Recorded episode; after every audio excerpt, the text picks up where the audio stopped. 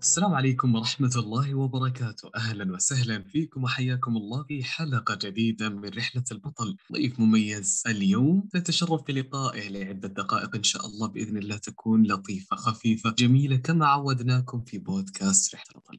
اسمي وباسمكم أود أن أرحب بالبطلة سوزان. أهلا وسهلا فيك أخت سوزان. أهلا وسهلا. يا حياك الله. في البداية لابد أن الكل يريد أن يتعرف على البطلة التي أصبحت ضيفة لنا اليوم. من هي سوزان؟ أنا مقيمة في السعودية عندي 13 سنة. بدأت رحلتي كأي شخص بأتساءل من أنا؟ فبس كان عندي أمل إن أنا مثلا أكون شيء تقليدي. فبدأت رحلتي في الإنترنت. بحثت في الإنترنت. آه كنت مشتتة ما لأنه كنت ببحث بتعلم مثلا شوية البرمجة أسيب شهر مثلا. أسبوع تصميم أسبوع مونتاج على حل مشكلتي في اليوتيوب. ساعتها الحل موجود في دقايق وهنا كانت طبعا شفت الفيديو وعجبني تمام حلو قفلته. بعدها بمدة لقيت فيديو تاني عن المهارات. كما أتذكر يعني. المهارات وعجبني جدا الفيديو دخلت على قناة الحرية. هنا شفت المحتوى المصنع المتقن اللي ما شفتش قبل كده في حد بيصنع شيء مجاني عجبني جدا فشفت المشاريع التانية والفيديوهات التانية. دخلت لحد الستين السادس بالظبط.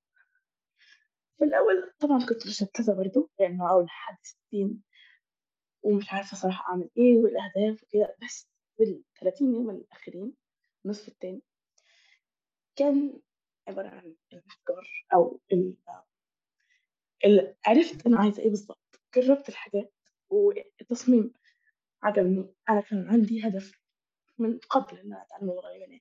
كملت فيه وصلت لصوت كبير جدا. الناس اللي كانوا معطين ليا بيقولوا لا دي لغة مش مشهورة أو لغة مش مهمة. آه، بقوا بيقولوا بقيت متفوقة حتى لو لسه مش موافقين على فكرة إنها مش إسباني إنجليزي إنجليزية. آه، مش موافقين عليها لكن ما مش مش معارضين. يعني وطبعا من أكبر إنجازاتي يعني من الأشخاص اللي بسهولة بكلام الناس بس في الوقت الحالي عندي توجهي أحلامي أفكاري. بدل أنجزتها يبقى أثبت إني أقدر أعمل أي حاجة سواء الحاجة اللي أنا هقولها أو الحاجة اللي الناس هتقولها. آه بس الفكرة إن كان لسه في صعوبة في السيطرة. بعد تحدي الستين ما خلص آه كسرت كل المجالات في حياتي. واقترحت كل مجال كان فيه إيه اللي أنا عايزة أتعلمه فيه إيه في الوقت لأن كان لسه في تشتت يعني كل قسم قسم الدين قسم الرياضي قسم. لو ركزت على أهداف معينة هسيب الأقسام التانية.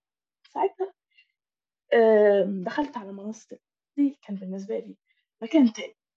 زي اللعبة بالظبط بس منصة. أنا أنصح كل اللي لسه مدخلوش منصة اللعبة. بعد تحدي ساعة كل شوف يعني إنها فعلا كان فيها التحديات تحدي السكر تحدي القراءة تحدي تحدي تحدي. التحديات دي كانت محفزة. كل الناس هناك مشاركينك في أهدافك في أحلامك في إنك طموحاتك مش بس تخلص تدخل جامعة وخلاص لأ عندك أهداف طموحات عايز تكون حر ماليا قبل ما حتى يعني تشتغل بشغلة عادية. ساعتها يعني ده كان التحفيز اللي أنا بدور عليه زمان بس مش موجود ولا طموحي ده عائلي ولا اجتماعي ولا في الإنترنت عادي فهنا بقى في تعدد مسارات الحياة. يعني تعدد إن أنا مثلا عندي المسار الديني كان في هناك تحدي القرآن آه، المسار الرياضي آه، كان في هناك تحدي رياضة مسار الصحي كان في تحدي السكر. كلهم آه، مش مجرد إن أنا بشوف ال post كده قدامي خلاص بتحفز خلاص النهارده في سكر النهارده لازم أعمل. تحفيز من الداخل بسبب فقط إن أنا شفت مش شرط مش شرط أي حاجة. إن أنا أشوف عدد ال comments الناس معايا الناس موجودين بيعملوا نفس الحاجة اللي أنا بعملها يعني مش بس بعمل كده وخلاص. وبرضه من الحاجات اللي أثرت في في وقتي إن هو أنا كنت مسحت ال social media خالص. من أول ما بدأت إن أنا أكبر على الأحلام اللي أنا عايزاها الحاجات اللي أنا بعملها فلازم أفضل يعني مش ينفع نحط حاجة فضلت لأن كلنا عندنا 24 ساعة سبع أيام في الأسبوع بس. فضيت الوقت بتاع ال social media اللي هو كانت مثلا خمس ساعات يوميا. كان بالنسبة طويل جدا. وكان يوصل ممكن وقتها الموبايل من ال social media تسحب بعد كده حاجات تانية تسحب ممكن 11 ساعة الموبايل. في اليوم الواحد دلوقتي في الوقت الحالي ما عادش موبايل كتير عندي نفسي اللي بشتغل عليه. في البداية في بدايتي في التصميم بالظبط آه أنا بدأت مع التصميم لحد لقيت بعد في مجالات تانية. ده المجال اللي حبيته. في البداية ما كانش عندي حاسوب آه بس بعد كده بقى عندي حاسوب. مش مش في بالي الشخصي لكن جبت حاسوب. هو طبعا ما كانش إمكانياته كبيرة في الأول ده طبيعي إن شاء الله هيتطور معايا. مع التطور اللي إحنا بنعمله أدوات هتتطور معانا. مش لازم هدفنا إن إحنا نطور أدوات. بالعكس إحنا نتطور وأدواتنا تتطور اشتغلت في مجالات كتيرة واللعبة فتحت. فأنا هدخل فيها في ال UI design اللي درست عنه كتير لغاية ما اللعبة فتحت. و بس كده تقريبا ده المحاور الأهم. طيب جميل جدا تنوع هذه المعارف هذه الرحلة الجميلة. أريد صراحة أن أسأل عن محور واللي هو ال social media عموما. أه ستة أشهر من غير social media ليست مدة طويلة ترين أنها مدة طويلة. أه وكذلك ما الفارق الذي جعلته في حياتك؟ الفارق كان فارق مهم مش بس يعني مثلا في الوقت الموفر لا الموفر ده كان فارق صغير بالنسبة له. مجرد إن إحنا ن scroll بين الحاجات طبعا أكيد سمعت الحاجات دي بس قلت الشخصية بحكيهاش تفقدني تركيزي. أنا شخص كان قليل التركيز جدا. تركيزي كان ربع ساعة بالضبط. بعد كده تركيزي فعلا بس ممكن يستمر ساعة حسب آه الوقت وكده. طبعا الوقت يعني مش ينفع نقول مثلا إن في شخص تركيزه ربع ساعة يعني ممكن يذاكر في الوقت يعمل المهمة دي في الوقت فبعد ما استكشفت نفسي استكشفت نفسي أكتر عرفت وقت تركيزي ال social media ساعدتني إن أنا أسيب التشتت. إن كل ما أشوف فيديو عن حاجة مختلفة يعجبني وأدخل أتعلم الحاجة دي وأسيب الحاجة اللي قبلها. لكن بالنسبة لي مصدر فهم أنا شخص كان بيتشتت كل الناس كانت عارفة عني كده ما بتكملش في حاجة. فال social media كان يعني ست شهور وقت قليل ممكن نقول. أيوه أه جدا. لأن أنا ناوية أكمل. طلع ست شهور ده جدا. يعني مثلا يومين ثلاثة بس الحمد لله. ما تعدوش ثلاث أيام. يعني أنزل أحيانا تخيلوا إنه أنا كنت بنزل حاجة معينة مثلا. أشوف بوست معين أو أبحث عن موضوع معين كان بياخدني السكرول لغاية أنا ممكن أقعد دي حاجة كانت أثبتت لي الحمد لله صح وبقيت أنصح الناس اللي حواليا كأنه سم ومش ليه فايدة. يعني لو تقول إن مثلا الفيسبوك فيه مجموعات مفيدة. ليها حل. عشان المعلومات المفيدة موجودة في كل حتة. وفي مواقع مفيدة. ممكن تتخرج من على الويب. خلاص ده الويب. تصميمه مش ظريف قوي هتطلع على طول. في فيديوهات كتير. أنصح بفيديو آه لدروس أونلاين اسمه ستون يوم تقريبا أو ست شهور مش فاكرة. بدون social media بدون فيسبوك بالظبط. في فيديوهات من قبل الفيديوهات دول ساعدوني أنا طبعا كنت بدأت من قبلها بس دول حفزوني إن أكمل في نفس وبس دي كانت رحلتي في ال social media أه لابد أن نسأل نفسنا سؤال حقيقة. هل بالفعل ال social media تعتبر المصدر الوحيد المتفرد؟ أو خلينا نقول المصدر الوحيد القادر على إيصال هذه المعلومة؟ إذا كان الأفضل فلا بد أن نبحث عن البديل. يعني هنالك أكيد معلومات بشكل مفصل أكثر في مكان أفضل مثلا اليوتيوب. اليوتيوب متواجدة عليه المعلومات بشكل أكثر تفصيلا. الويب في بعض المقالات الجدا مفيدة. فأشكرك جدا على هذه النقطة المهمة. دعيني الآن أنتقل إلى محور الشغف قليلا لأنه محور يلتبس على كثير من الناس. كيف تعرفتي على أنه اللغة اليابانية هي بالفعل شغفك؟ هو أنا مش مثلا كانش عندي في الأول ليا في تعلم اللغة اكتفيت باللغة الإنجليزية تعلمتها في صغري وبطورها يعني من حين لآخر. لكن ما أنا كنت بشوف فيها بلغات مختلفة. اليوتيوب بيقترح علي شوف أه بشوف مثلا أفلام أنميات حاجات مختلفة.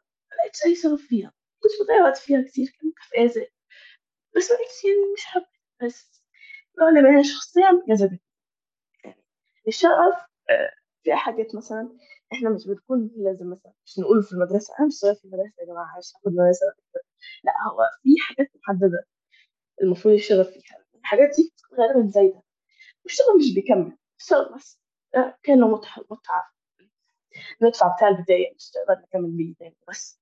هو زي حماس البداية آخر حاجة ما أقدرش أكمل لكن من الآن لآخر بيجي فينا تاني بيدخل فينا تاني. آم، اكتشافي دي كان صدفة صدفة خالص. يعني كان ممكن أتعلم لغة إسبانية مثلا عادي عادي.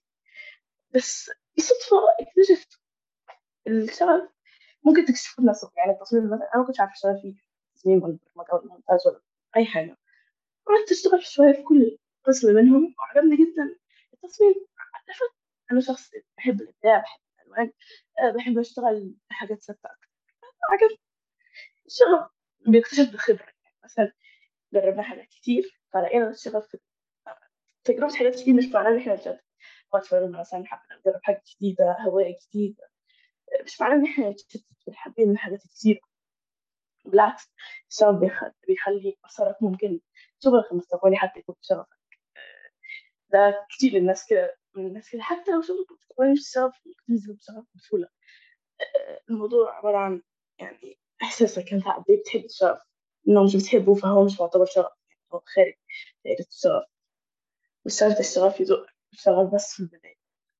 بيدنه بس مش هيزقك عشان تعمل حاجة. ده بقى المثابرة والعزيمة وال... وكل الحاجات اللي إحنا بنشوفها كل المشاكل زي المماطلة دي لازم نحبها من جوه. دي كل حاجة مش بس في شغفك.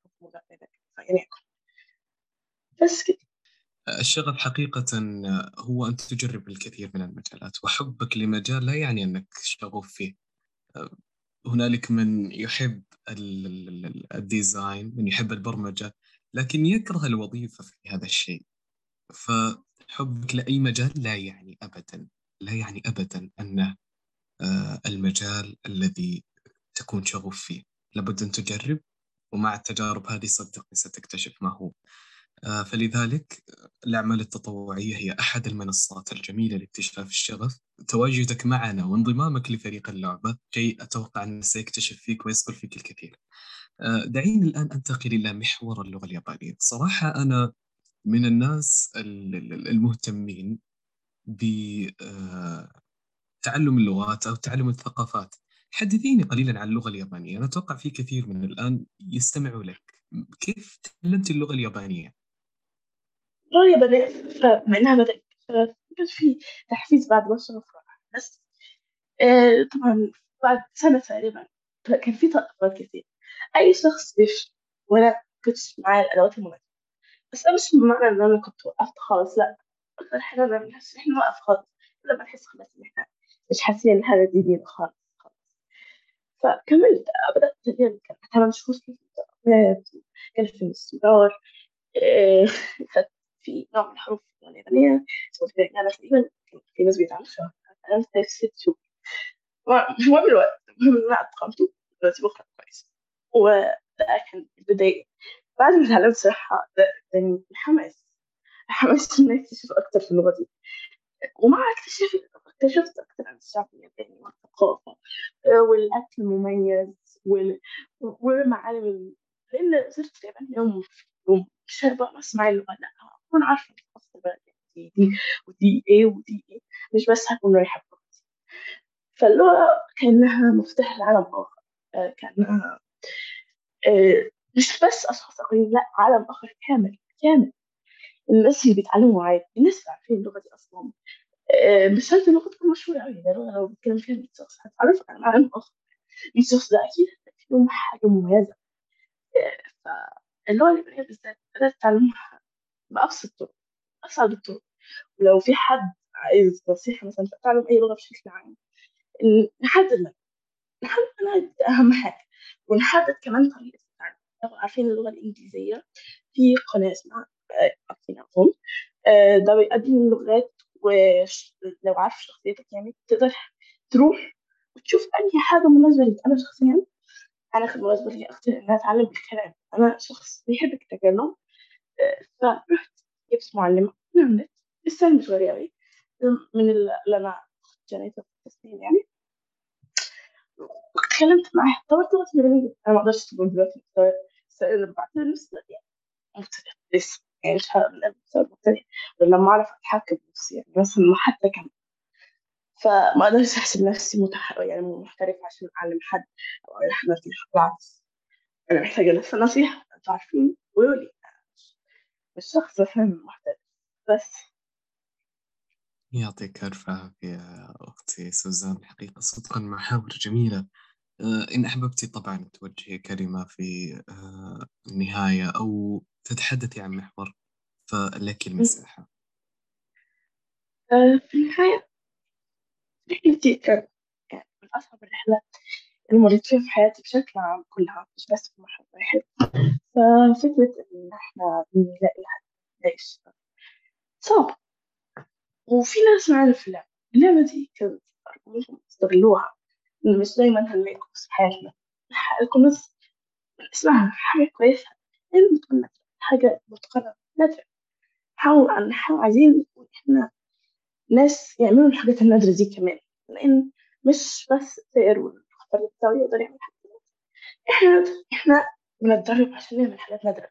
نقدم للناس موهبتنا وشغفنا. وكل اللي بنحبه بشكل نادر. للناس للناس اللي حوالينا في الأول بعد كده نكبر ونكبر. بعد نوصل رسالتنا. خليكم رسالة في الحياة أكثر. أنا شخصيا آه، حبيت جدا البودكاست ده لأن آه، وصل لناس أكثر. ناس أكثر هتسمع البودكاست ده وهتتأثر بالكلام. مش تتأثر هي... هيدخلوا عقلها بس. كفاية. آه ممكن ناس تحل مشاكلها تشوف اللعبة حاجة مميزة جديدة. كل ده مطلوب مهم. ومهم نحاول أكتر وأكتر كل يوم. أنا توقف يعني عمري ما أول مرة عملت حاجة جبتها صح. يعني حتى حاجات بسيطة زي مثلا أقعد إن أنا أكل إن أنا مش أي حاجة بسيطة خالص. اللي هو المفروض الواحد يعملها في ثانية. أنا بعملها عادي. يعني بس مش هقول خلاص أنا عملتها غلط مرة كفاية. حاول. صراحة في النهاية صدقا لا يسعني إلا أن أقول شكرا باسمي وباسم فريق البودكاست. شكرا لك أخت سوزان على تواجدك معنا اليوم لا شكرا لكم إذا إلى هنا تنتهي حلقتنا. صدقا كانت حلقة جميلة ومميزة. إلى أن نلقاكم بإذنه سبحانه وتعالى في حلقة أخرى. تحية طيبة عابرة من قلبي إلى قلبكم. السلام عليكم ورحمة الله تعالى وبركاته.